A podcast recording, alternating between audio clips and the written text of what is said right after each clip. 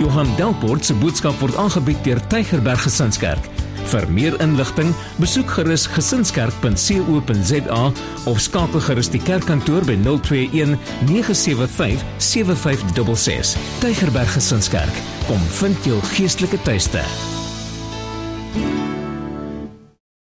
Môre. Kom ons sluit sommer weer die oë. Ons vra die Here se seën op vanoggend se boodskap.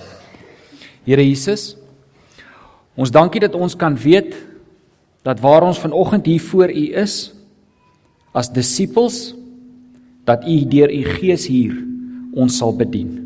Ons vra Here, leer ons bid. Leer ons bid want ons wil meer en meer soos U wees, Here. Ons wil nader aan U leef in 'n intieme verhouding. Ons dankie vir U teenwoordigheid en vir U seën. Amen. Amen. Amen. Wat laat jou gril? Wat laat jou gril? Wat van wat van naals op 'n swart bord?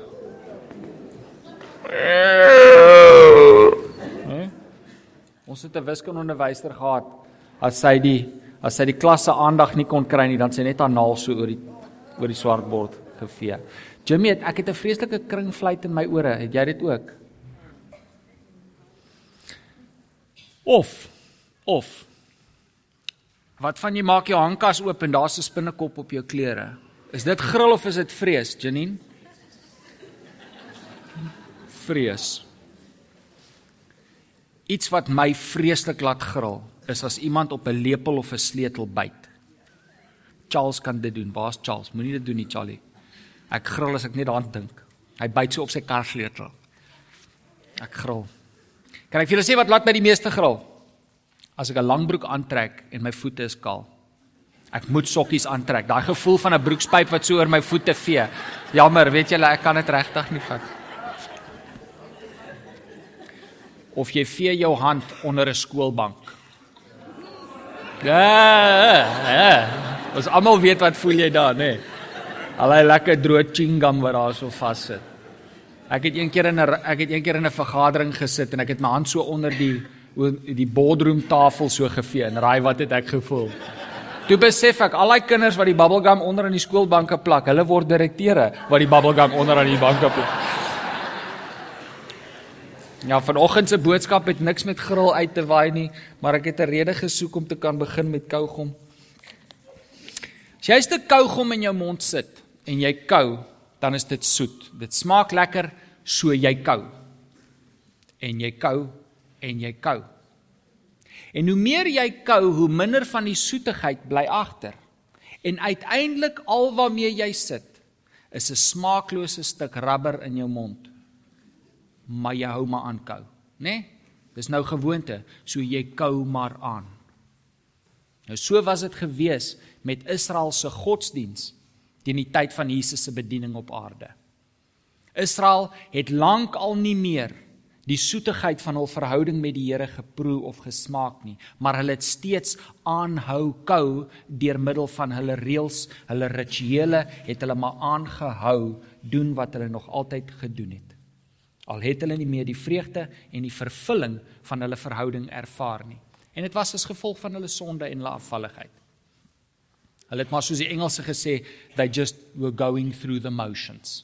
Hulle het maar net aanhou doen die reëls en rituele. Maar die reëls waar volgens die gemiddelde Jood geleef het in Jesus se tyd, het bitter bitter min te doen gehad met die woord van God, met die wet van God, met die Torah sien die fariseërs en die skrifgeleerdes het 'n klomp duisende sterkie wette opgemaak van hul eie en hulle die mense aan hierdie wette onderdruk.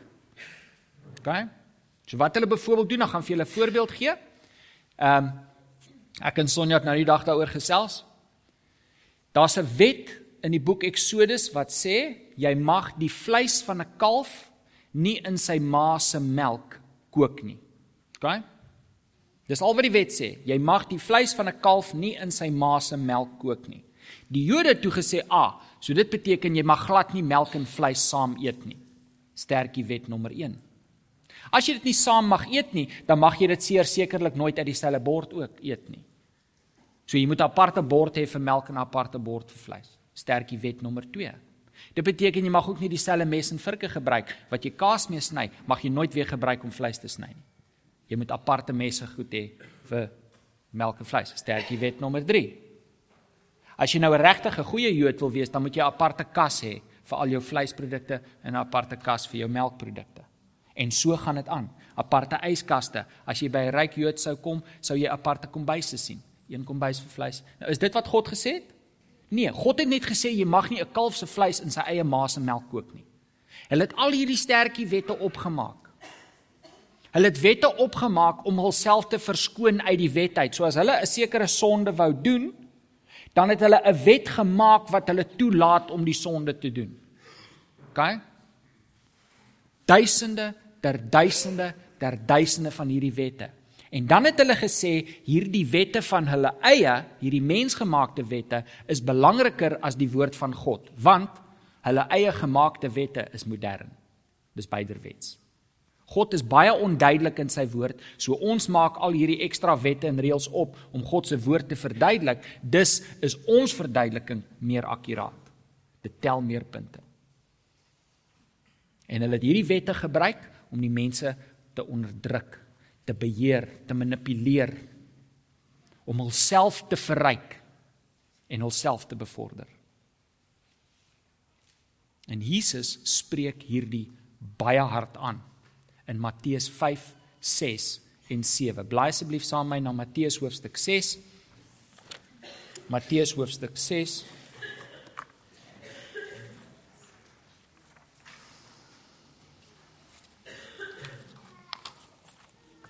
Matteus 5, 6 en 7 is 'n gedeelte van die Bybel wat bekend staan as die bergrede of die bergpredikasie, né? Nee?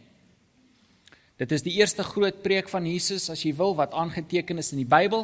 Die Here gee die preek in die noorde van Israel, praat hy met sy disippels. En as iemand jou op straat sou raakloop en jou sê, "Hi, kan jy dalk vir my in een sin sê wat is die tema van die bergpredikasie?" dan sal jy kan sê, dit is Jesus se aanval op die Fariseërs se skynheiligheid en 'n weerlegging van hulle valse leringe. OK? Matteus 5, 6 en 7 is waar Jesus vir sy disippels sê, die fariseërs lieg vir julle. Hulle is vir julle 'n slegte voorbeeld. Kom ek vertel vir julle die waarheid rondom God. Kom ek vertel vir julle die waarheid rondom sonde, die waarheid rondom die koninkryk. Kom ek gee vir julle die waarheid wat hulle nie vir julle gee nie. En dit is hoekom jy in Matteus 5, 6 en 7 baie kere sal jy frases sien soos daar is vir julle gesê, maar ek sê vir julle. Daar is vir julle gesê, maar ek sê vir julle. Dis nie die Ou Testament waarna Jesus verwys nie, hoor. Ek het altyd gewonder, toe ek 'n jong Christen was, hoe hoe hoe kan die Here dan nou die jy weet die Ou Testament, die wet van God weer lê? Dis nie wat hy doen nie. Hy sê vir sy disippels, die Fariseërs sê vir julle, maar ek sê vir julle. Kom ek leer julle die waarheid. Ons sien ook baie frases soos die skynheiliges. Ek dink in Matteus 7 kom dit amper in elke vers voor. Die skynheiliges, die skynheiliges, die skynheiliges.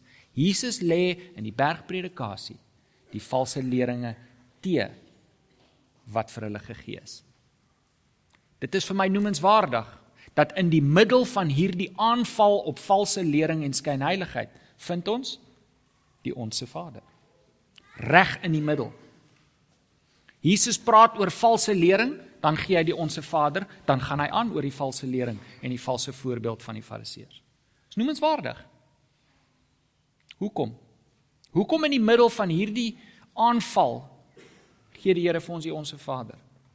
Want met die onsse Vader is die Here besig om sy disippels te leer bid, né? Nee?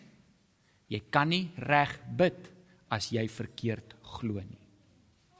Met die onsse Vader is Jesus nie net besig om vir die farisie um, vir die disippels te leer bid agter my aan nie. Hy is ook besig om vir hulle die korrekte teologie rondom God te gee sodat hulle reg kan bid. As jy nou nog niks op jou raamwerk gekrap het nie en nog nie ingekleer het rondom die datum of so nie, nê, nee, kry 'n oop plekjie op jou raamwerk en skryf daar ek bid wat ek glo. Ek bid wat ek glo. En ek dink baie keer dis ook hoekom ons senuweeagtig kan wees om in die publiek te bid. Want ons is nie dalk heeltemal seker wat ons glo nie. Is ek veronderstel om dit te glo? Wat as ek bid wat ek glo en ek het die verkeerde ding geglo? Ons bid wat ons glo. Sondagoggende 8uur is daar 'n vergadering hier in die personeelkamer. Klomp mans en vrouens kom bymekaar om te bid. Ek glo dis 'n geseënde tyd vir almal. Kom sluit asseblief aan. Ek wil jou aanmoedig. As ek saam met jou 8uur Sondagoggend in daai kamer instap en ons kniel langs mekaar. Binne 5 minute gaan ek weet wat jy glo. Ek gaan dalk weet wat jy glo rondom God se genade, verlossing. Ek gaan miskien weet wat jy glo rondom siekte, demone, wat ook al dit mag wees. Hoe gaan ek weet wat jou teologie is? Ek gaan dit hoor in jou gebed. Né? Nee? Ek gaan dit hoor in jou gebed. Gaan na iemand in die Pinksterkerk toe en sê vir hom, hoorie, ek is siek, bid vir my. Jy gaan hoor. Hy gaan hy gaan jy weet, die duiwel bestraf en hy gaan want dis wat hulle glo. Ons bid wat ons glo. Jy kan nie die verkeerde ding rondom God glo en reg bid nie. Jesus sit met 'n groep disippels wat wat wat die leuns van die fariseërs gevoer is hulle lewe lank, wat onder die verdrukking van die fariseërs geleef het, wat belas was met duisende der duisende niksseggende betekenlose mensgemaakte wette. En Jesus kom en hy leer hulle bid. Hy sê vir hulle: "Kom ek vertel julle die waarheid rondom God." En dit is die onsse Vader. Die onsse Vader is nie bid agter my aan rympie wat die Here sy disippels leer nie. Hy leer ons regtig bid. En dis waaroor die reeks gaan. Dis waaroor hierdie reeks gaan. Here, leer my bid. So kom ons kyk na die onsse Vader. Want die onsse Vader glo ek soos ek sê, is 'n weerlegging van die valse doktrines van die Fariseërs rondom God en God se wese. So kom ons kyk na die onsse Vader frase vir frase vinnig en ons kyk wat is die die leuen wat die Fariseërs vir die mense vertel het en wat is die waarheid wat Jesus dan vir hulle leer want dit gaan ons help om vandag se frase makliker te verstaan. As jy reg Matteus hoofstuk 6 ons lees van vers 9 af. So moet julle bid. En die Here kon ook gesê het so moet julle glo. So moet julle bid. Ons Vader wat in die hemel is, laat u naam geheilig word. Ons Vader. Mense, daai frase was 'n radikale stuk teologie vir die mense wat voor Jesus gesit het, hoor? God is nie aangespreek as Vader nie. En Jesus kom en sê hy is ons Vader. Die Fariseërs het vir mense 'n God voorgehou wat 'n onpersoonlike diktator was. God het net so 'n lang stok gehad en hy daar gesit en wag vir jou om te fouteer sodat hy jou kan slaan. Daar was nie moontlikheid van 'n intieme verhouding met hierdie diktator God nie. En Jesus sê nee. God is ons Vader. En die eerste ding wat ons moet besef wanneer ons tot hom nader, is dat hy vir ons lief is, dat hy genadig is, dat hy ons wil in sy teenwoordigheid hê. God is ons Vader. Ons Vader wat in die hemel is. Die Fariseërs het vir mense geleer dat God in 'n tempel in Jerusalem woon. So as jy nader aan God wil kom, moet jy Jerusalem toe gaan. Dis al waar God te vind was. Was in 'n tempel in Jerusalem. En Jesus sê nee. Ons Vader is in die hemel. God is verhewe bo gebou. God is verhewe bo stad. God is verhewe bo 'n nasie. God is verhewe bo alles en almal en in 'n sekere sin is die hemel ewe ver van almal af. Elke mens het vrye toegang tot God want hy's in die hemel, hy's nie in 'n gebou in 'n ander land nie. Ons Vader wat in die hemel is, laat U naam geheilig word. En ons gaan net nou 'n bietjie daaroor gesels, ons gaan daarby kom, maar die Jode het geglo dat God die skepper van sonde is. OK? Ek gaan net nou vir julle verduidelik. En Jesus sê nee. God het niks met sonde uit te waai nie. God is volkome en volmaak heilig en ons het vroeër in die reeks daaroor gesels. God is nie beïnvloedbaar deur sonde nie. God is nie beïnvloedbaar deur die wêreld en die wêreld se manier van dink nie. God is volkome heilig en volkome verhewe. Laat u koninkryk kom. Laat u koninkryk kom. Ek dink baie keer plaas ons die klem op kom. Here, laat u koninkryk kom. Ek glo die klem moet op u wees. Here, laat u koninkryk kom. Want die fariseërs en die skrifgeleerdes het vreeslik hard aan hulle eie koninkryk gewerk. Hulle eie reëls, hulle koninkryk, hulle die mense se fokus op hulself geplaas. En hulle het hulle self finansiëel verryk deur mense te manipuleer en beheer. Hulle het net aan hulle eie koninkryk gebou. Dis hoekom die dis hoekom die Here so met hulle beklei het.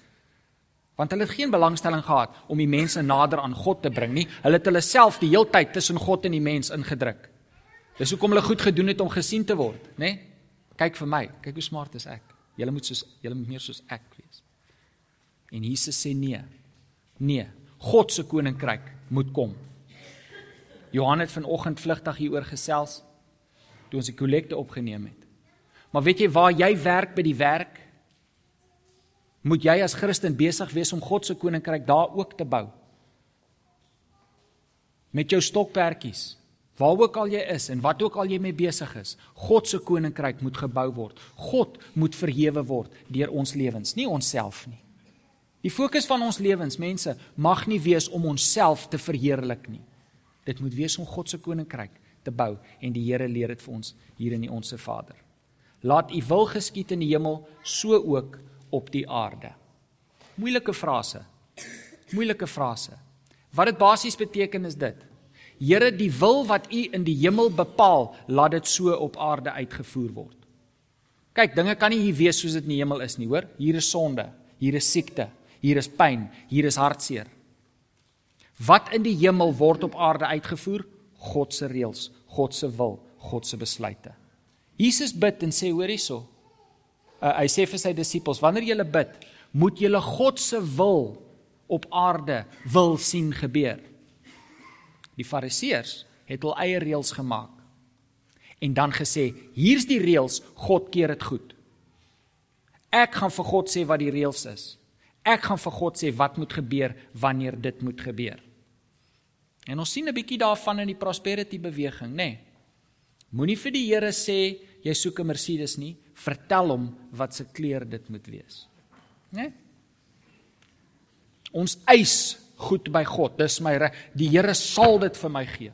Die Here moet dit vir my gee. Nee. Nee nee nee. Dit is nie die houding waarmee ons na God kom nie.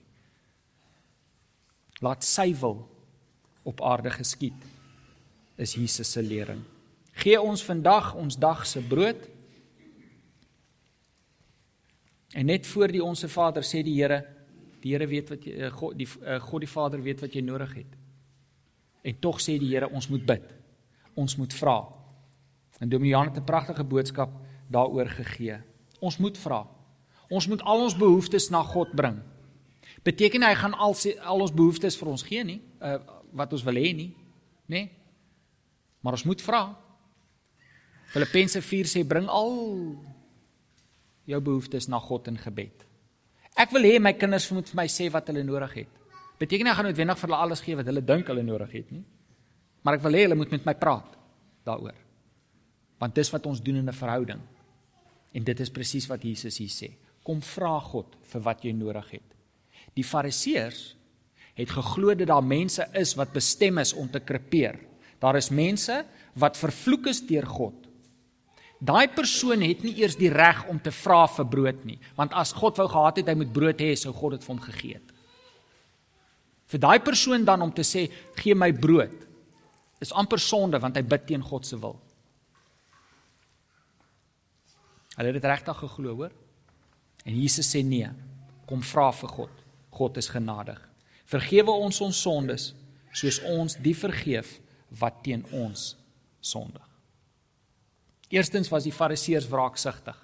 Hulle het geglo jy moet net 7 keer en hulle het 'n hele formule gehad hoe hulle dit uitgewerk het. Jy moet vir iemand 7 keer vergewe. Daarna hoef jy hom nie weer te vergewe nie. Daarna kan jy hom hard slaan. Net 7 keer. Jy tel. Alraai, dit was dit was strike 1 pel. Strike 2 en as jy by 7 kom, haal jy jou stok uit, né? Nee? En wat het Jesus vir Petrus gesê? Nee. 70 maal 7 keer moet jy vergewe. Ons moet wees soos ons Vader, genadig. Ons moet vergewensgesind wees, nie wraaksugtig nie. sien die Fariseërs het geredeneer en gesê God eis wraak vir homself toe as 'n reg, nê? Nee? Wraak is myne sê die Here. Dus moet daar iets goddelik aan wraak wees. So hulle het net 'n formule gehad waarmee hulle uitwerk, hoor jy op watter punt kan ek nou regtig, jy weet hierdie ou bykom. En Jesus sê nee. Wees vergewensgesind want God vergewe jou. God vergewe jou. Hulle het ook geglo dat verlossing slegs beskikbaar was vir Jode. As jy dus verlossing wou hê en jy was nie 'n Jood nie, moes jy eers 'n Jood word en dis 'n proses wat hulle noem proselitisasie. Dis daai vir 'n mooi vir 'n okay? Jy moet eers 'n Jood word, dan mag jy vir God vra om jou sondes te vergewe, want solank as wat jy nie 'n Jood is nie, gaan God nie na jou luister nie. En Jesus sê nee. Kom vra God. Kom vra. God se arms is oop. God wil hê almal moet by hom uitkom. En dit bring ons by vanoggend se frase: Laat ons nie in versoeking kom nie, maar verlos ons van die bose. Dit was die langste inleiding tot 'n preek wat julle nog ooit gehoor het, nee. Wat is die valse doktrine van die Fariseërs wat Jesus hiermee weer lê? Laat ons nie in die versoeking kom nie, maar verlos ons van die bose. Wat is die valse lering van die Fariseërs rondom versoeking en sonde? Wat as ons dit weet, dan gaan ons weet wat die Here bedoel met hierdie frase, né? Nee? OK. Ek gaan nou vir julle sê wat die Fariseërs vir mense geleer het. Ek gaan vir julle sê wat algemeen geglo word in Judaïsme. Daar is klein verskilletjies hier en daar, maar dis die algemene geloof in Judaïsme, so dit sou wees wat wat uh wat die skrifgeleerdes vir die mense geleer het. Moet asseblief nie volgende Sondag na my toe kom en sê, "Maar hoe kan jy sulke goed sê nie?" Ek sê nou vir julle wat die Fariseërs gesê. OK. Hoor julle mooi. Right, hier's wat hulle geglo het. God is goed en God is die bron van alles wat goed is. En God wil mense seën. Maar God gee niks verniet weg nie. God gee niks verniet weg nie. Jy moet die seën verdien. Jy word nie geseën as jy dit nie verdien nie. Jy moet die seën eers verdien. Maar hoe gaan jy die seën kan verdien as alles in die wêreld goed en mooi is? So wat God doen is God skep sonde. En hulle het 'n versie in Jesaja wat hulle gebruik om dit te regverdig. God skep sonde. En God gee dan vir die mens die begeerte om te sondig. Hulle tot 'n naam daarvoor. Ek dink dis Yetzachara, ek kan nou net nie lekker onthou nie. Ek verskoon my as ek verkeerd is. God skep die sonde en God skep in die mens 'n begeerte om te sondig. En God verlei dan die mens met die sonde. As die mens dan die sonde weerstaan, dan verdien hy sy seën en God seën hom. God seën hom met 'n lang lewe, God seën hom met gesondheid, God seën hom met pragtige kinders, met rykdom, sy besigheid doen goed, wat ook al dit mag wees, want hy verdien die seën.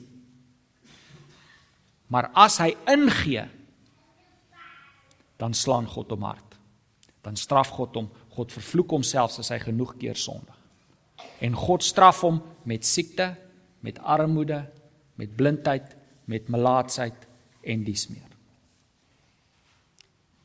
Dis wat hulle geglo het. God is die bron van sonde. God is die bron van die begeerte om te sondig en God verlei jou. Maar dit is nog steeds jou plig om dit te weerstaan sodat jy die seën kan verdien. sien, dit is hoekom daai bedelaar, daai krepeel blinde bedelaar wat daar langs die pad sit, geen genade by die fariseërs gekry het nie. Want hy verdien om daar te wees. Hy is daar oor sy eie sonde. Dit is straf van God af op hom dat hy daar is. Hy het duidelik iets verkeerd gedoen. Maar ons ons is wel af. Ons is ryk. My kinders is gesond. Ek het 'n huis om in te bly en 'n bed om in te slaap. Dus moet ek smarter as hy wees. Dit volg tog. En van daar het die fariseërs se arrogansie en trots hulle hoogmoed gekom. Want hulle het gekyk na die mense om hulle en het besef ons is beter as hulle want God seën ons en God seën nie mense wat dit nie verdien nie. Dus moet ek smart wees. Hulle het dit geglo. En dit is hoekom toe Jesus daardie blinde man wou genees langs die pad wat uitgeroep het. het die disippels vir Jesus gevra: "Here, wie het gesondig dat hy blind hier sit? Hy of sy ouers?" Hulle het nie vir die Here gevra hoekom is hy blind nie. Hulle het geweet hoekom hy blind is. Hy's blind want hy het sonde gepleeg. As hy blind geword het later in sy lewe, is dit oor sy eie sonde. Maar as hy blind gebore is, dan is dit om sy ouers te straf vir hulle sonde. Kyk, ek wil nou nie daarop ingaan nie. Dis net interessant dat die vraag wat hulle hoekom hulle die Here dit gevra het, is want hulle wou weet as die Here hom genees, is dit 'n goeie genesing? Want as die Here hom genees, hoor nou mooi, as die Here hom genees, maar God het hom blind gemaak oor sy eie sonde, dan tree dan tree die Here teen God se wil. Want God wil hê hy moet daar blind en krepeel sit en van die honger doodgaan. Dit is die Fariseërs se lering aan die mense gewees. Kan julle verstaan hoekom Jesus dit moet kom regmaak? Hoekom toe die disippels sê Here leer ons bid, moes die Here terselfdertyd hulle teologie regmaak? Want as jy dit glo, hoe gaan jy bid? Sê vir my, hoe bid jy tot God wanneer jou kind siek is en jy glo dis sonde wat dit veroorsaak? Hoorie, ek het al in kerke gesit waar die predikante vir almal sê, hoorie, so almal wat arthritis het, steek julle hande op, kom vorentoe, julle moet bekeer van julle bitterheid, hoor? Julle onvergifnis. Ek het dit al my eie oë gesien. Want daar's 'n vers in Psalms dink ek wat sê, ehm, um, jy weet, ek het ek het ek het nie om verskoning gevra nie en dit het dit het my bene laat verrot of so iets. Toe sê hulle, "Ah, so arthritis is gevolg van onvergifnis, hoor?"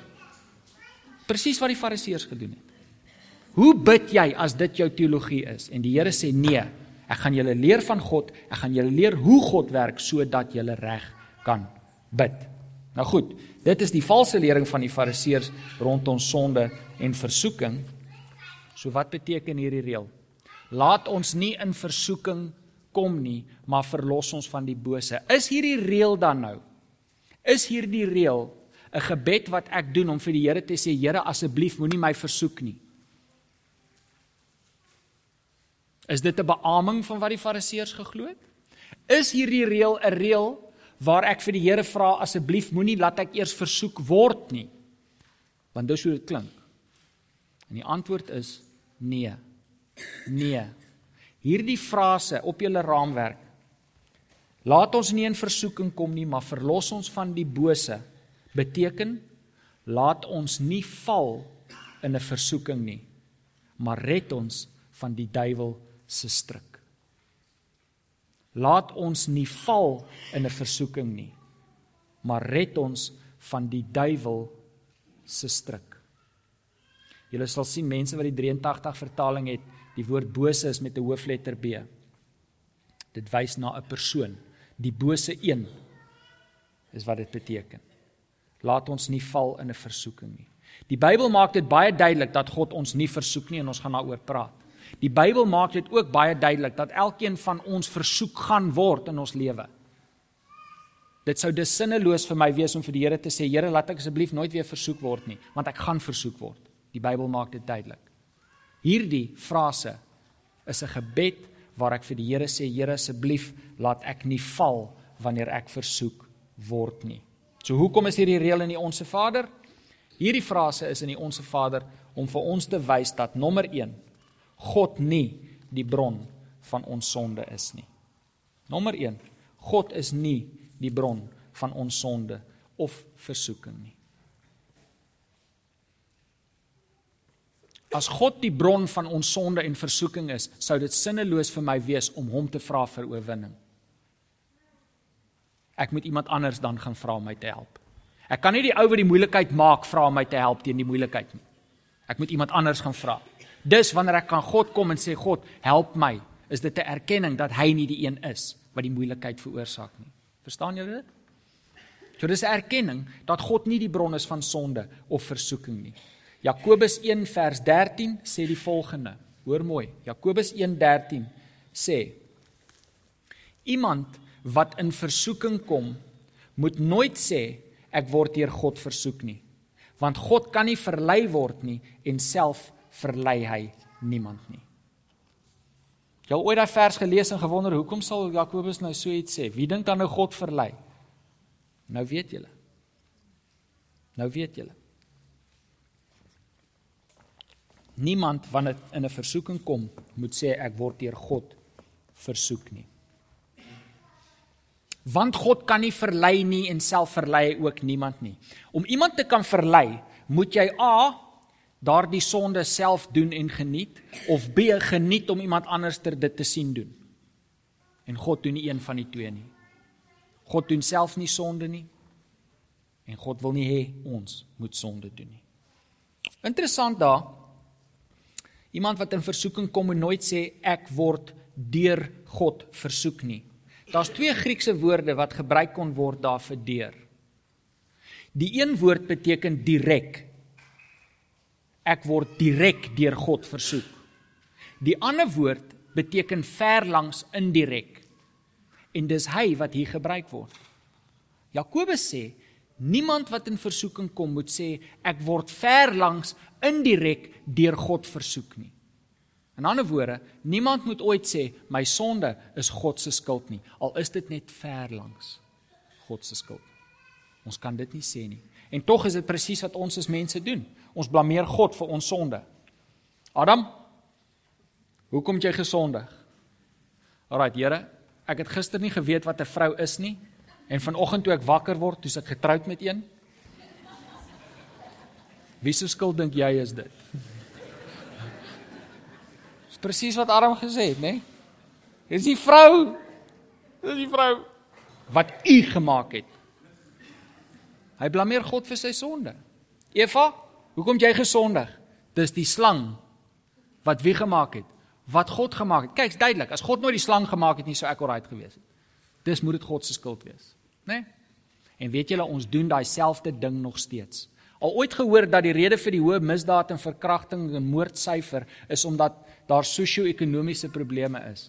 High shame. Hulle het nie 'n keuse nie, hulle moet, hulle is arm. Dis 'n vorm van God blameer vir vir sonde, vir misdaad. Want as God hulle net 'n bietjie ryker maak, sal hulle nie steel en moord en nê? Nee? Ons blameer God vir ons sonde. Ek weet ek verneek op my belasting. Maar weet julle dit gaan regtig sleg met my besigheid. As ek dit nie doen nie, gaan ek dit nie maak nie. Maar ek beloof jou, sodra God my besigheid seën, sodra die Here my seën, gaan ek reguit pad loop. Al dit ooit gehoor? Ek weet julle het dit nog nooit gedink nie, maar dalk ken jy iemand wat iemand ken wat al so geredeneer het. Sodra die Here vir my 'n groter inkomste gee, gaan ek eerlik kan wees op hierdie ding.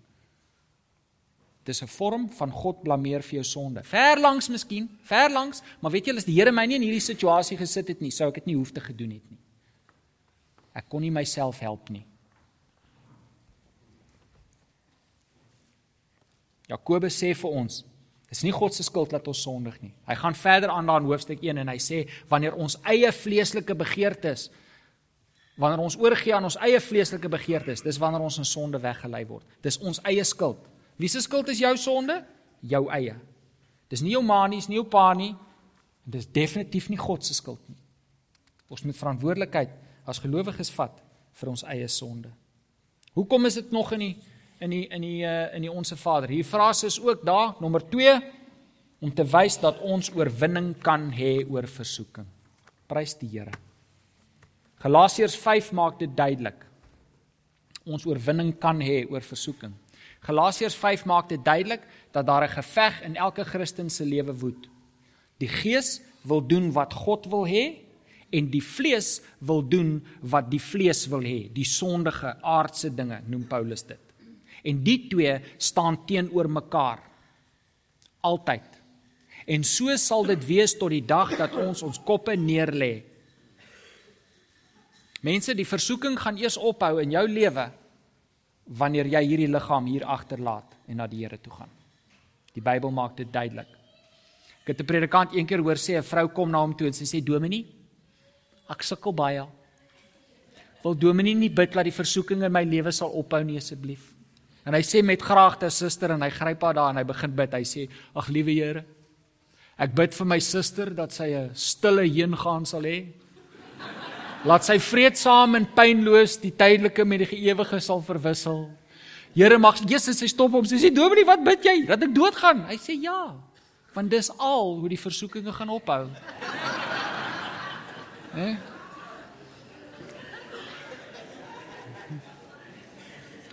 Nou hierdie is tog sekerlik nie 'n gebed laat ons sal doodgaan na die Here toe gaan nie, nê? Nee, ons is gereed, maar nie haastig nie. Amen.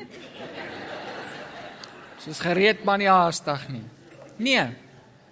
Daar gaan altyd versoekinge in jou lewe wees, maar prys die Here vir sy getrouheid en sy liefde en sy genade. 1 Korintiërs 10:13 sê vir ons die volgende: Geen versoeking wat meer is as wat 'n mens kan weerstaan, het julle oorval nie. Broer en suster, geen versoeking wat meer is as wat jy kan weerstaan, het jou al ooit oorval nie.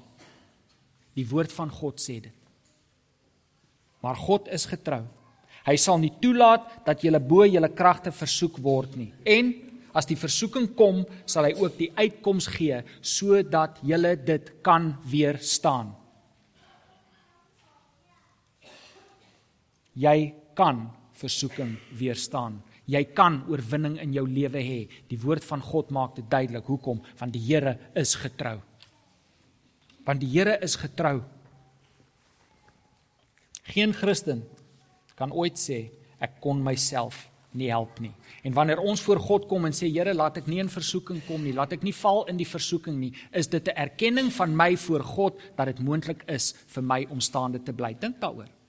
As ek na die Here toe kom en sê Here, help my staande bly, sou daar enige sin wees vir my om dit te bid as dit nie moontlik was nie. Nee.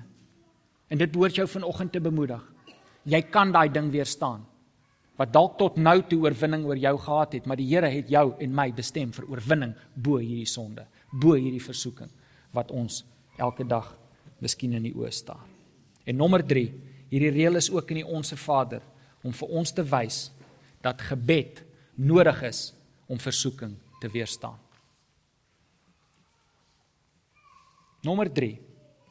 Hierdie frase is in die gebed om vir ons te wys dat gebed nodig is om versoeking te weerstaan. Die Here leer dan sy disippels bid, help ons in versoeking.